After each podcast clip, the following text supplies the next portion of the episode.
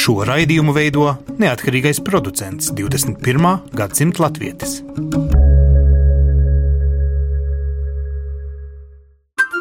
Lai kur mēs būtu, Lai kur mēs būtu, Lai kur mēs būtu, Lai kur mēs būtu, Tie esam mēs. tie esam mēs. mēs Tie esam mēs. Mēs. Tas ir par mums. Tas ir par mums. tas ir par mums. Saulainā sestdienas rītā sēž lidmašīnā no Rīgas uz Stokholmu.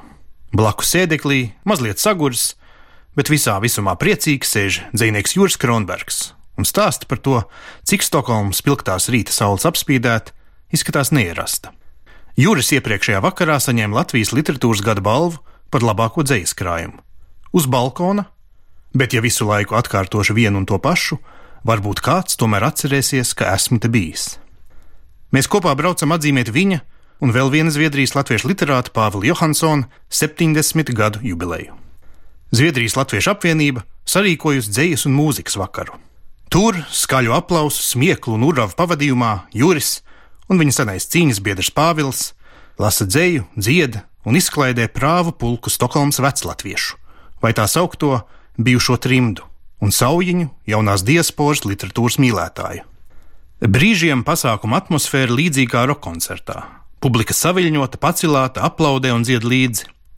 Nākamajā mirklī tā klusu, ar dziļu cieņu, tver katru dzinieku izdvesto zilbi, vārdu un atskaņu. Pirms koncerta man, Lukasam Rozītam, izdevās abus dziniekus ievilināt blakus telpā, nost no autogrāfa tīkotāju un atmiņām dalīties gribētāju acīm. Tur mazliet parunājām, paspriedām par dzējošanu, par gadiem, par mūziku un to mūžīgo latviešu lietu. Te sniedzu jums ieskatu vakara dzējas un muzikālā programmā, kā arī dzinieku pārdomās un atmiņās. Sēž pie viena galda ar Pāvilu Johansonu, ar Juri Kronbergu, Labdien! diviem stokholmiešiem, diviem literātiem, diviem mūziķiem, diviem sabiedriskajiem darbiniekiem, diviem latviešiem. Šovakar jums ir tāds īpašs vakars, es saprotu. Nu, tas ir tā kā sakarā ar eh, matemātiku. Tas ir tie cipari 7, 0. Tādēļ tas vakars ir, cik es saprotu. Un tā ir secībā arī nevis, nevis 0,7, bet 7,0. Tad numurs secība ir, ir būtiska. Man liekas, citādāk nebūtu tieši šāds vakars. Jo, jā, ir bijuši citi vakari bez cipariem. Tikai dzēja un dziesmas, bet tagad ir matemātika, dzēja un dziesmas. Tad ir trīs būtiski elementi. Bet tā, tā secība ir būtiska, jā, ka matemātika vispirms, un tāda dziesma un dzēja. Nu, jā, tas ir, ja tu neesi gados nācis kaut cik, tad jau tu nevari lasīt vai, vai, vai rakstīt. Vai tā. Tad, tad ar katru gadu kaut kas jauns notiek. Tad tie gadi tomēr ir matemātiskais, tomēr nāk pirms pārējā, pirms radošā. Bet jūs esat raduši, radīti jau sen. Jā, pagājušā gadsimtā. Tu radi visu laiku. Arī tad, kad tu griez kartupeļus un vilcienā sēdi un lidmašīnā Nē, nu, vienmēr jau kaut kādas domas maisās pa galvu. Dažreiz ienāk prātā kāda laba rinda un tā pieraksta. Dažreiz ienāk prātā laba rinda un nepieraksta un aizmirst. Bet tik ilgi tas ir darīts un tas ir kļuvis par tādu svinīgi izsakoties dzīvesveidu. Krievijas dzinieks Jāzeps Brodskis ir teicis tā, ka dzīve tev vienmēr mēģina attālināt visādos veidos no dzējas. Bet tu vienmēr agrāk vai vēlāk atgriezies pie dzējas. Un es domāju, tas attiecas gan uz Pāvilu, gan uz mani. Šis dzējols ir par to tēmu. Man nekad nav laika rakstīt dzēju. Dažreiz strādāju metro, Dažreiz esmu diplomāts, dažreiz lasu priekšlasījumus dažādās zemēs, dažreiz tulkoju, dažreiz pērku pārtiku vai šķirstu grāmatas dažādu zemju grāmatnīcās, dažreiz gatavoju pusdienas, dažreiz skatos televīziju, dažreiz izēju pastaigāties vai ar dažādu zemju kolēģiem iedzeru vīnu vai alu vai šņabi. Dzējoļus rakstīt man nekad nav laika, tie top tajā laikā, kura nav. Es atņemu miegām dažas stundas, es aizveru grāmatu, kuru tulkoju, es vāru spagetti al dente, tas vispār veselīgāk. Pierādinu bērnus pie gandrīz jēlas gaļas, sagriežu salātus, gurķu un tomātus ar miesnieku nāzi, lai ietaupītu laiku. Es rakstu metro un vilcienos un lidmašīnās, jo rakstīt dzējoļus man nekad nav laika. Tādēļ dzējoļu rakstīšana man nav nekāds darbs, tikai veids, kā izlikties, ka laiks īstenībā nemaz neeksistē, ka tas ir, bet stāv uz vietas, kad rakstu, tā vietā burti uz papīra vai datora ekrāna, plūst un aizplūst kā sekundes, un gluži kā laiks arī dzēja ir gan lineāra, gan cikliska. Man vienmēr laiks rakstīt dzēju, tas viss, ko daru. Paldies!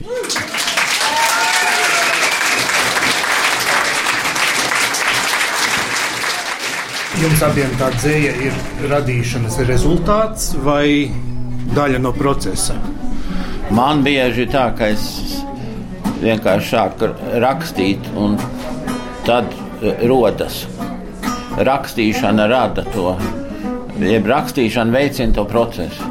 Kamēr raksta, nāk prātā lietas. Un... Tā ir eh, visaktīvākā naktīs, vai ne? Un naktīs rodas tiešām fantastiski darbi sapņos, un, un to jāmēģina atcerēties, vai ne? Bet, protams, viss ir aizmirsies no rīta. Bet uh, kaut kādā veidā tad, tad ir ļoti patīkami sapņi. Starp visiem briesmīgiem sapņiem, tad šie sapņi ir ļoti jauki, kad uh, kaut kas tiek radīts. Man arī ir tā sapņiem, kā Pāvils teica, un visforšākie vis, vis un spilgtākie sapņi, kas man ir bijuši. Tad es esmu bijis pārliecināts, ka tos nu gan es atcerēšos, bet ne vēl. bet dažus tomēr atcerās. Bet, tā, ir fragmentus, un tos var arī izmantot. Kā sapņi, atmiņas, pārdomas un valoda. Teiktu, tas, tas ir tas, kas veicina to procesu. Un, jo valoda kā tāda arī veicina domāšanu un to radīšanu. Nāk prātā kaut kāda laba vārdu kombinācija un skaņas, un tās var aizvest kaut kur citur, kur tu no sākuma nebija vispār iedomājies, ka tas ir iespējams. Tie uzrakst kādu rindu vai ne, kaut kādu foršu vārdu kombināciju, un ap to var tad vīt lietas. Kādreiz varbūt labs virsraksts ir, ko uzrakstam, jeb arī beigu poantu. Un tad arī likt mierā labu laiku, un tad atgriezties, un tad redzēt, aidieviņās, un tad um, uzlabot pamazām. Tas, es domāju, ir ļoti svarīgi. Man nav tik bieži rakstāmā luste. Šad, tad nāk tāda, tas viļņos nāk tā, cik es saprotu, Jurim tas ir pastāvīgs process vai ne, dzējot. Tāpēc jau arī viņš ir sarakstījis nesamērīgi daudz vairāk nekā es. Man jau arī ir daži uzmetumi un tā, vai ne, bet es neredzu tos kā publicējams. Pagājušajā gadā jums abiem iznāca dzīslis krājumi. Tev Pāvilam Johansonam, Paisams un Bēglums, Jurim Kronbergam, Balkons un tas garais, garais nosaukums. Bet jums abos divos, es saprotu, ir gan jauna, gan veca dzēja. Šitie 70 gadi, vai tas ir kaut kāds tāds posms, kad jūs jūtat, ka ir būtiski atskatīties? Man tā ir tāda sagadīšanās, jo man bija tā doma izdot divas grāmatas, ka to, tos balkonus. Vienu grāmatu un visu to pārējo citā grāmatā, bet dažādu iemeslu dēļ tas nenotika. Un tad es mēģināju sakumbinēt vienā grāmatā, nesekmīgi. Un tad es eh, izdomāju, ka jātaisa divas grāmatas vienā grāmatā. Un, un tādā veidā es kamielis caur adatas acīm izsmaut ar visu to. Jo bija tāds, ka skatījos savās atvilknēs un datorā un datora pažobelēs kaut kur atradu visādi zejoļus, kas ir agrāk bijuši publicēti laikrakstos un žurnālos, jeb arī nepublicēti. Tad es domāju, nu jātiek no viņiem vaļā, jo ka izdot grāmatu, tad arī tas ir kaut kā tāds pabeigts posms, tad, tad ir miers tad var iet tālāk. Tas pieliec punktu kaut kādai jā, jaunai pagātnē, jā, jā, mm. jaunai nākotnē vai jā. citai pagātnē. Redzēsim. Ir augusta rīts. Es stāvu uz tilta, kura dēļ ir veci, vietām pūma skarti, satrunējuši. Vēroju savu attēlu ūdenī. Kāda zivs izpeld caur manu kreiso aci un pazūd. Saulē mērcētās dienās vēroju notikumus pie apvāršņa skaidrās bezmiega naktīs, zvaigžņu atspulgus ūdenī. Bet tilts lēnām izgaist, redzesloks sagrīļojas, apvārsnes atkāpjas, tilts pakāpeniski pārtop atmiņās, vai ieslīd citā pasaulē, rokām netveramā, kājām neredzamā. Visu nakti dzirdu putnus lidojam garām, un kamēr brīnos, kamēr cenšos ar izbrīnu sarast, nemaz neapjēdzu, ka mana balkona dzīve ir sākusies. Pāvils paisums un bēgums. Jā, nu, tas aptver ļoti daudz gadu, varbūt 40, 50 gadus. Un es esmu izmantojis vienu otru dzējoli, daži pārtaisīti mazliet jau no agrākiem laikiem, bet vairums jau ir, ir jaunāki, jeb arī radušies vēlāk pēc man priekšpēdējās grāmatas, kas iznāca 76. gadā un līdz 16. gadam. Tad ir šis tas no 80. un 90. un, un 2000. gadu sākuma un tā vai ne. Dažreiz ir problēma atcerēties, kāda apmēram tas tika uzrakstīts, bet nu, tas nav tik svarīgi. Abas jūsu darbus novērtēja literatūras balvai. Tu tikko saņēmi balvu par šo grāmatu. Pēdējo reizi, kad tev bija apbalvota grāmata, bija senāk. Jā, es jau teicu, ka Vilks ienācis tieši pirms 20 gadiem, arī dabūja to gada balvu. Un, un tad es teicu, ka tas man tagad mudina veselīgi dzīvot, jo tīri matemātiski pēc 20 gadiem tam man atkal varētu būt balva 90 gadu vecumā, jābūt labā formā. Ko tā pagātne spēja pateikt arī par mūsdienām? Kaut kāda stīga tur ir uztvērta. Man jau ir ļoti dažādi, teiksim, man ir balkons, tas ir rakstīts tagad pēdējos gados starp tiem pārējiem dzējoļiem, kas ir no dažādiem gadiem. Tur ir gan 80. Eh, gadu aktualitātes, tur ir lietas, kas notika nesen, teiksim, Eiropā un dažādi veltījumi un baigais kokteils, pagātnes kokteils. Dzīve notiek tagad un visa literatūra ir pagātne. Nu, es arī mazliet esmu pievērsies tagadnē, tādā ziņā pret ksenofobiju, pret dažādu valsts vīru ar mācībām pret tādām fobijām. Latvijā ir diezgan daudz kas darāms faktiski vēl joprojām. Ja, ja tā paskatās šur un tur, piemēram, par mācītāju nevar kļūt sieviete vai ne. Ko tu caur dzēju var, var panākt, vai ne, bet vismaz es varu aizrādīt, ka tas nav pareizi. Nav klusums. Nav klusums, nē. Mēs esam bālie zēni, atstumtās māsas, kaktā stāvētāji Mēs negribam kauties. Mūsu miesa varavīkšņaina ar brīnumputna spārniem, kas smeļ tāluma alkas, kur brīvi ir valsts likums. Mūsu mūžīgie zilumi sejās, saspārdītie ķermeņi ir zīmes, kuras pierakstām savās smilkstošās dienas grāmatās, kuras lasīs tie, kas spēs saprast. Ka ļaunprātīgie, kas domā, ka muskuļi, dižhomofobija, pārpatriotisms un ksenofobija šaurprātīgo pasauli valdīs. Mēs, bālie zēni, tuvās māsas, kļūsim sarkanvaigaini, kad pieņemsim humānus nācējus, iestumsim atstūmējus jūras dzelmē, aizvīm par mīlestību Tad Mohameds un es dalīsimies falafelu un biespienu, rupmaizi un bulguru. Piektdienās mošējā ir lūkšanas brīdis, svētdienās baznīcā ir dievkalpojums. Par visu varavīksnes smiesies, labi paēdusies, piesātināta ar cilvēci.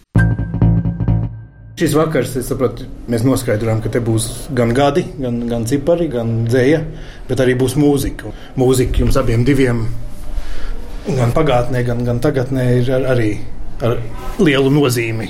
Jā, nu, mēs jau sākām ļoti agri. Tā kā mēs nedzīvojam ne, ne pārāk tālu no viens no otra, Jūras es un uh, Jānis Zālītis un vēl citi. Tad mēs ļoti interesējāmies par mūziku, kas tajā laikā tika radīta. Bet iedomājāmies arī, ka mēs paši arī kaut ko varētu radīt. Nu, sākumā visādi kaveri bija, vai ne? Un pamazām radās arī oriģināli dziesmas. Mēs izveidojām tādu grupu, ko sauc par pagraba kratītāji. Pagrabs bija tāda vieta, kur vecpilsētā sanāca jaunieši pirmām kārtām un vispār latviešu sabiedrība. Un tur uzstājāmies, un tā vēlāk attīstījās vairāk un vairāk. Piebiedrojās brāļi Graši, un, un mēs izveidojām tādu grupu, kas spēlēja gan pie latviešiem, gan, gan pie zviedriem. No tā izrietēja dundurs, un tad vēlāk turpinājās citādos veidos. Tu noteikti Latvijā esi vairāk pazīstams muzikām. Jā, nu tas ir sakarā ar, sakarā ar mikrofonu koncertiem 89. un 90. gadā, kad bija diezgan liela ievērība faktiski. Jā. Kopš tā laika jau tas gājas tā viļņiem, vai ne? Tie, kas tajā laikā bija dzimuši, vai ne, viņi jau nezina nekā droši vien, kas es tāds esmu. Bet tas tiesa, es domāju, vairāk ar muziku nekā ar rakstīto. Toreiz, kad mēs spēlējām, Saules brāļi un Dunduris un šitie gadi, man bija tāds liels maģis, un es ierakstīju no radio visādas dziesmas. Un tad mans uzdevums bija bieži tos tekstus pa posmiem noklausīties un tad izrakstīt tos tekstus. Tad es atcerējos bieži vienu tos tekstus ļoti ātri no galvas. Un Pāvils bija mūsu dziedātājs, un viņš dažreiz viņš neatcerējās tekstu, tad viņš pagriezās pret mani un viņam bļauka, kas jādzied. Jo es biju viņus dabūjis ārā no tā maģa, tā kā man viņi sēdēja iekšā. Es domāju, ka tas arī kaut kā ir ietekmējis. Un, eh, protams, mūs abus ietekmēja arī Roberts Cimermans. Jā, es atceros, ka es klausījos to Blowing in the Wind pirmo reizi, un tad bija tāda atklāsme, ka tā arī var darīt lasīju daudz tos franču seriālistus un visu tādu, tad vesela pasaule atvērās. Tā. Vienlaicīgi, mēs ar Pāvilu arī bieži pārunājām to, ko mēs esam klausījušies un, un lasījuši. Un ietekmējāmies no tiem pašiem avotiem, un varbūt arī viens otru ietekmējām. Viena cita lieta, par ko es domāju, mums jau jaunībā nebija tik plašs vārdu krājums. Bet to, ko mēs eh, zinājām, to mēs arī, arī izmantojām, tā izņurcījām līdz pēdējiem, jāsaka? Tur bija varbūt savu pointu, jāsaka, izmantot to ierobežoto skaitu, tik cik tu vien vari. Jeb arī kāds tev palīdz vai ne. Mums jau bija paziņas, vairāki dzinieki Stokholmā. Nu, mana māte ir Veronika Strēlēta un, un Andrejs Irbi. Un liels iedvesmotājs bija Rihards Rīdzinieks, Grīns un arī citi. Tad tas izauga pamazām. Un savu nozīmi latviešu valodas attīstībai jau, protams, arī bija visi šie jaunieši sajieti, Eļļas kongress, ja kopējā sarunas valoda tomēr bija latviešu valoda galvenā.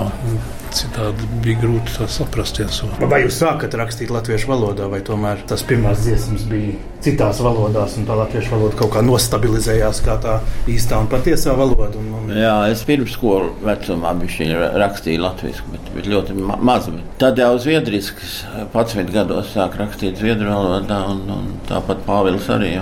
Es atceros to brīdi, mēs tur gājām pa Bekvēgen, Hegerstenā. Tad mēs tā spriedām, bet varbūt varētu arī latviešu rakstīt. Un tad Pāvils teica, jā, nu varbūt mēs varam parādīt manai mammai. Viņa var mums var, varbūt palabot kaut kādas gramatiskas kļūdas vai ieteikt kaut kādus vārdus. Viņa arī raksta dzēju. Es teicu, tā, nu, vajag forši. Nu, parādīsim tavai mammai. Un tad jau es nesapratu, ka Pāvila mamma ir tāda liela dzēniece. Man būtu droši vien būtu bijis bail rādīt. Tā viņa tā ļoti jauka un labvēlīga. Un, tad Veronika tas... Strēlēta rakstījusi pirmos rokenrola tekstus. Ja? Nē, viņi laboja mūsu rokenrola tekstus. Dažus daž tekstus viņi uzrakstīja arī, kurus mēs iedziedājām. Un viņa ir arī pārtulkojusi vienu otru. Piemēram, Dilana Blowing in the Wind, uh, aizšalts vējš. Un, uh, Bet tas uh, ir pazudis kaut kur, ne? Nē, man viņš ir, jā, jā, jā. jā, jā, jā, jā. Un, uh, tāpat Ulfa Lundela öppna landskap, vai ne tas ir tāli plašā. Jāpiezīmē, ka Ulfa Lundels ir tāds Bruce Springsteen mikro veidā. Mikrozviedris. Mikro. Mikrozviedris Bruce Springsteen. Es neteicu, ka plaģiāts. Man patīk tāli plašā pašā jūras krastā vēlos būt, kur var elpot pilnā dvašā, kur var dvēselē mieru gūt. Man patīk tāle plašā, kur vējiem šūpulis, kur debesu vidū pašā dzied skaisti cīrulis.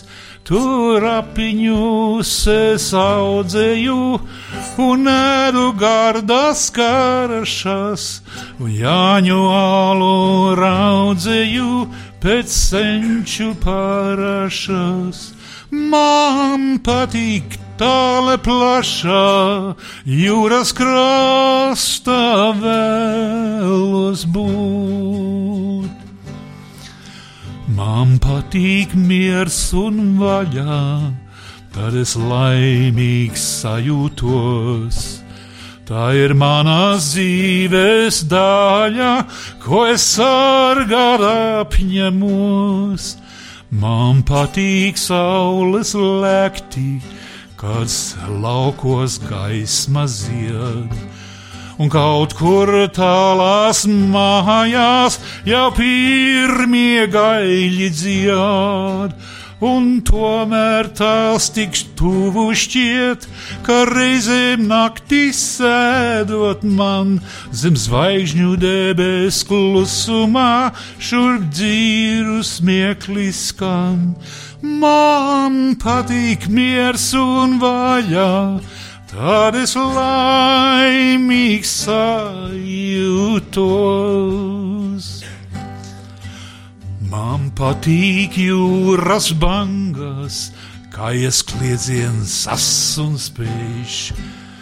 Kad gliemežvākus krāstā tālu izsviež vētrains jēš, kad vienkāršība skaidrā, ik vārds ir īsts un tieši. Kad jā ir jā, un nē ir nē, un šaubas klusu cieš, tad vīju olu vainagu, es akmenim, kas vecs un klus, ir runu rakstus glabājis jau ilgus gadsimtus. Man patīk jūras bangas, kājas kliādziens as un spēj. Man patīk tāle plašā, jūras krastā vēlos būt.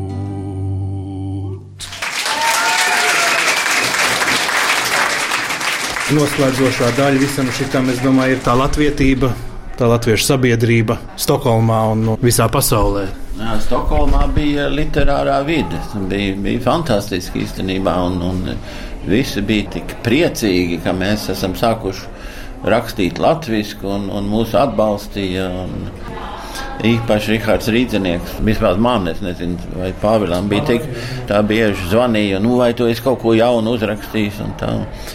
Nu, tā mums bija arī penklubs, latviešu centrs bija Stokholmā, tad mēs tur arī darbojamies. Tur bija arī Dagnija Šlejera izdevēja, Daugaus izdevēja, Mārtiņš Zīvērts bija priekšsēdis.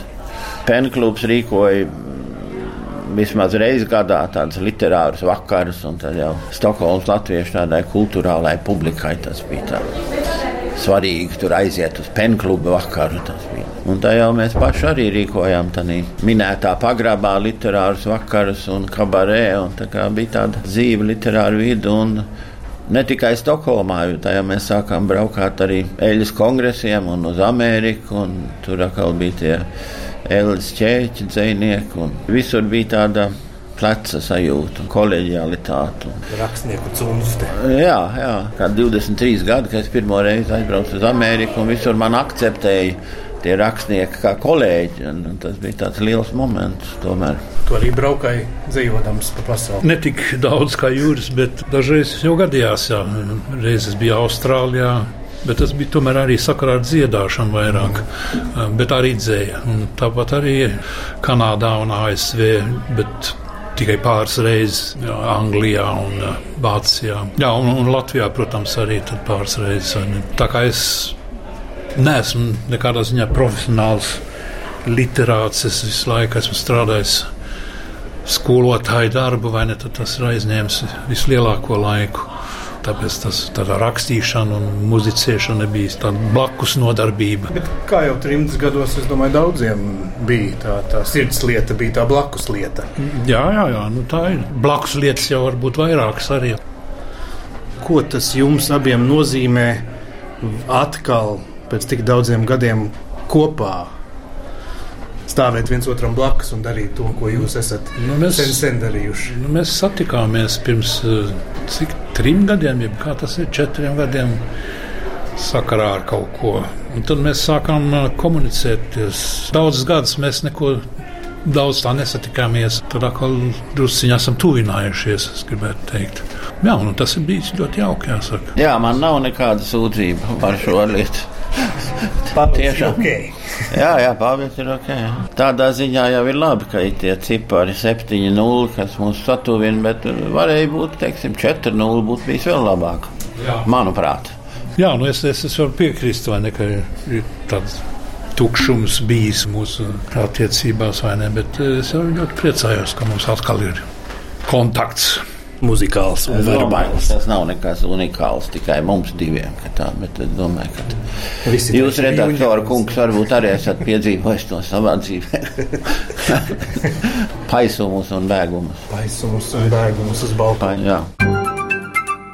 Par dzīslu vakaru rīkošanu liels paldies Zviedrijas Latviešu apvienībai.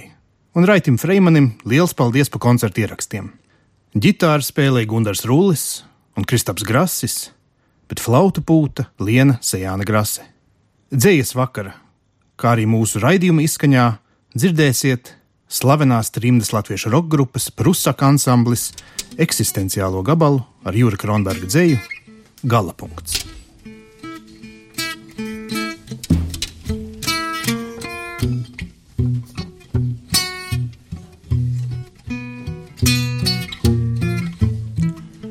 Tas bija galapunkts. No turienes ceļa atpakaļ nebija. Tas bija galapunkts. Tur beidzās lielais ceļš, kas savienoja visas pasaules lielceļus. Pēkšņi bez brīdinājuma tas vienkārši izbeidzās, jo tas bija galapunkts. Tur kainieku masas mīņājās, jo nebija tālāk, kur iet.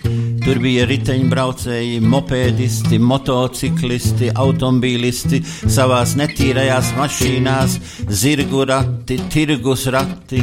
Kāds naivais laikam cerēja ko pārdot.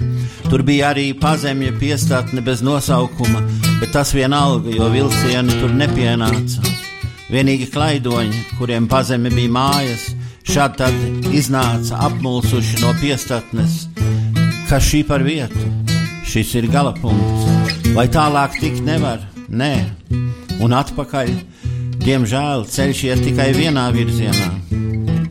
Rietumpusē, ja tam kāda nozīme, atradās osta. Parasti tā bija tukša un pamesta. Neviens neuzdrošinājās tur iet, un daudzi nemaz nezināja, ka tur osta, jo visbiežāk tā bija romantiskā zilā miglā tīta. Bet stāsta, ka tur dzīvojot kāds holandietis.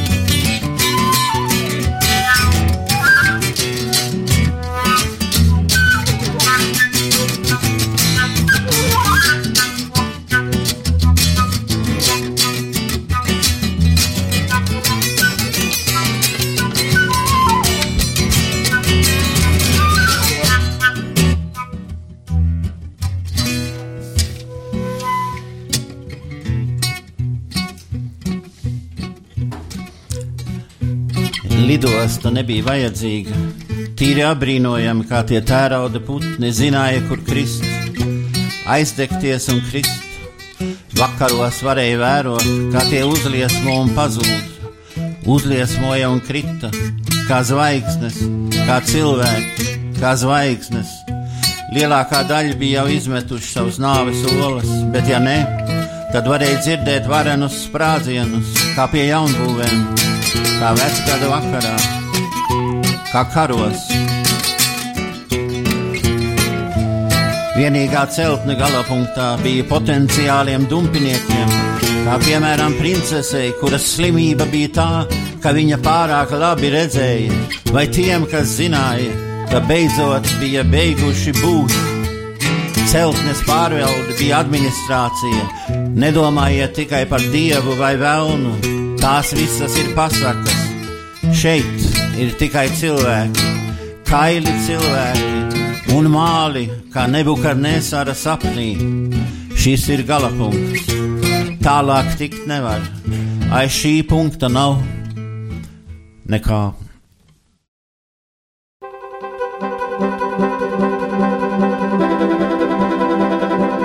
Sadarbībā ar, Ar latviešu.com piedāvājam, globālais latviešu notikuma apskats, kur ir tur rodas. kur ir tur rodas. Tas ir par mums. Šīs nedēļas nogalē Dublinā norisinās reģionālie kultūras svētki Britu salās par godu Latvijas valsts simtgadēji. Kopš ceturtdienas viesi un dalībnieki aicināti piedalīties dažādās aizraujošās aktivitātēs, tajā skaitā latviešu mūzikas vakaros, amatnieku tirdziņos un dažādās meistarklasēs. Reģionālajos kultūras svētkos ir sācies Latvijas karoga ceļa Eiropas posms. Karogs atceļojas no Kanādas un tagad apceļos Eiropas latviešu centrus. Tautiešiem īrijā nu ir iespēja ierakstīt labus vārdus un vēlējumus arī Latvijas karoga vēstījumu grāmatā. Sesdien tika aizvadīts Eiropas Latviešu apvienības pilsoniskās līdzdalības seminārs kopīgā ceļā uz simtgadi iedrosme aktīvai latvietībai, kā arī Latvijas Nacionālā kultūras centra seminārs par dziesmu un deju svētkiem Latvijā un lekcija par tautas mūziku. Savukārt šodien, 30. aprīlī, visi dalībnieki dodas svētku gājienā, kam sekos svētku koncerts. Tāpat ir iespējams aplūkot īrijas latviešu stāstu sēgu, tā pēc kultūras svētkiem ceļos uz Latviju. Dažādi informatīvi un latviski sarīkojumi tautiešiem šonadēļ notika arī citviet pasaulē.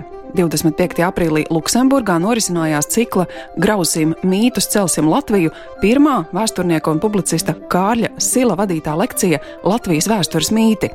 Viņš šķetināja divus mītus - 700 verdzības gadi un latviešu zemnieku tauta. Savukārt Ticino upes dabas parkā Itālijā līdz 1. maijam turpinās cikla Eiropas gaiputni ceļas spārnos nometne ceļā uz Baltā galdauta svētkiem. Šajā laikā nometnes dalībnieki iesaistās interesantās aktivitātēs, ko vada savas jomas profesionāļi. Atis ķēņģis no biedrības piedzīvojuma gars palīdz iepazīt sevi, saliedēt komandas un saprasties no pusvārda. Tikmēr teātra režisore un attraktīvā pedagoģe Ligita Smildziņa rosina improvizēt, iejusties dažādos tēlos un situācijās, bet Latvijas logopēdu asociācijas vadītāja Baiba Trinīte vecākus iepazīstina ar balss un runas attīstību bilingvālā vidē. Par jautrību gādā Luksemburgas folkloras kopa dzērves un tās vadītāja Aiga Ožehovska, iesaistot visus dalībniekus latviskās izdarībās. Šo nometni rīko Itālijas un Itāļu Šveices latviešu biedrība. Nākamajā nedēļā tautieši visā pasaulē 4. maijā atzīmēs Baltā galdauta svētkus, kā arī atklās Latvijas simtgades svinības, kad Latvijas pierobežā satiksies cilvēku roku un gara spēks akcijā Apskauju Latviju, gar Latvijas robežu stādot ozolus. Savukārt ārpus Latvijas dzīvojošie tautieši aicināti piedalīties Latvijas institūta un biedrības VSK noskrien akcijā Izskrien Latviju pasaulē. Aicinājums ir ikvienam izskriet, iziet, izbraukt ar riteni vai arī pat izpeldēt Latvijas kartes kontūru, lai kur pasaulē viņš atrastos. Vai tas būtu Dienvidkorejas galvaspilsētā Seulā, Dublinā, vai Čikāgā, Sidnejā, Briselē vai Rezeknē. Plašāku informāciju par daudziem citiem gaidāmajiem notikumiem, kas saistoši visā pasaulē dzīvojošajiem latviešiem, meklējiet portālā latvieši.com notikumu sadaļā, 21. gadsimta latvietis Facebook lapā, kā arī daudzās, jo daudzās latviešu kopienu mājaslapās pasaulē. Raidījumu veido Ancis Bogustovs, Paula Gulbinska, Arta Skuja un mūsu ārzemju korespondenti. Raidījuma producents Lukas Rozītis.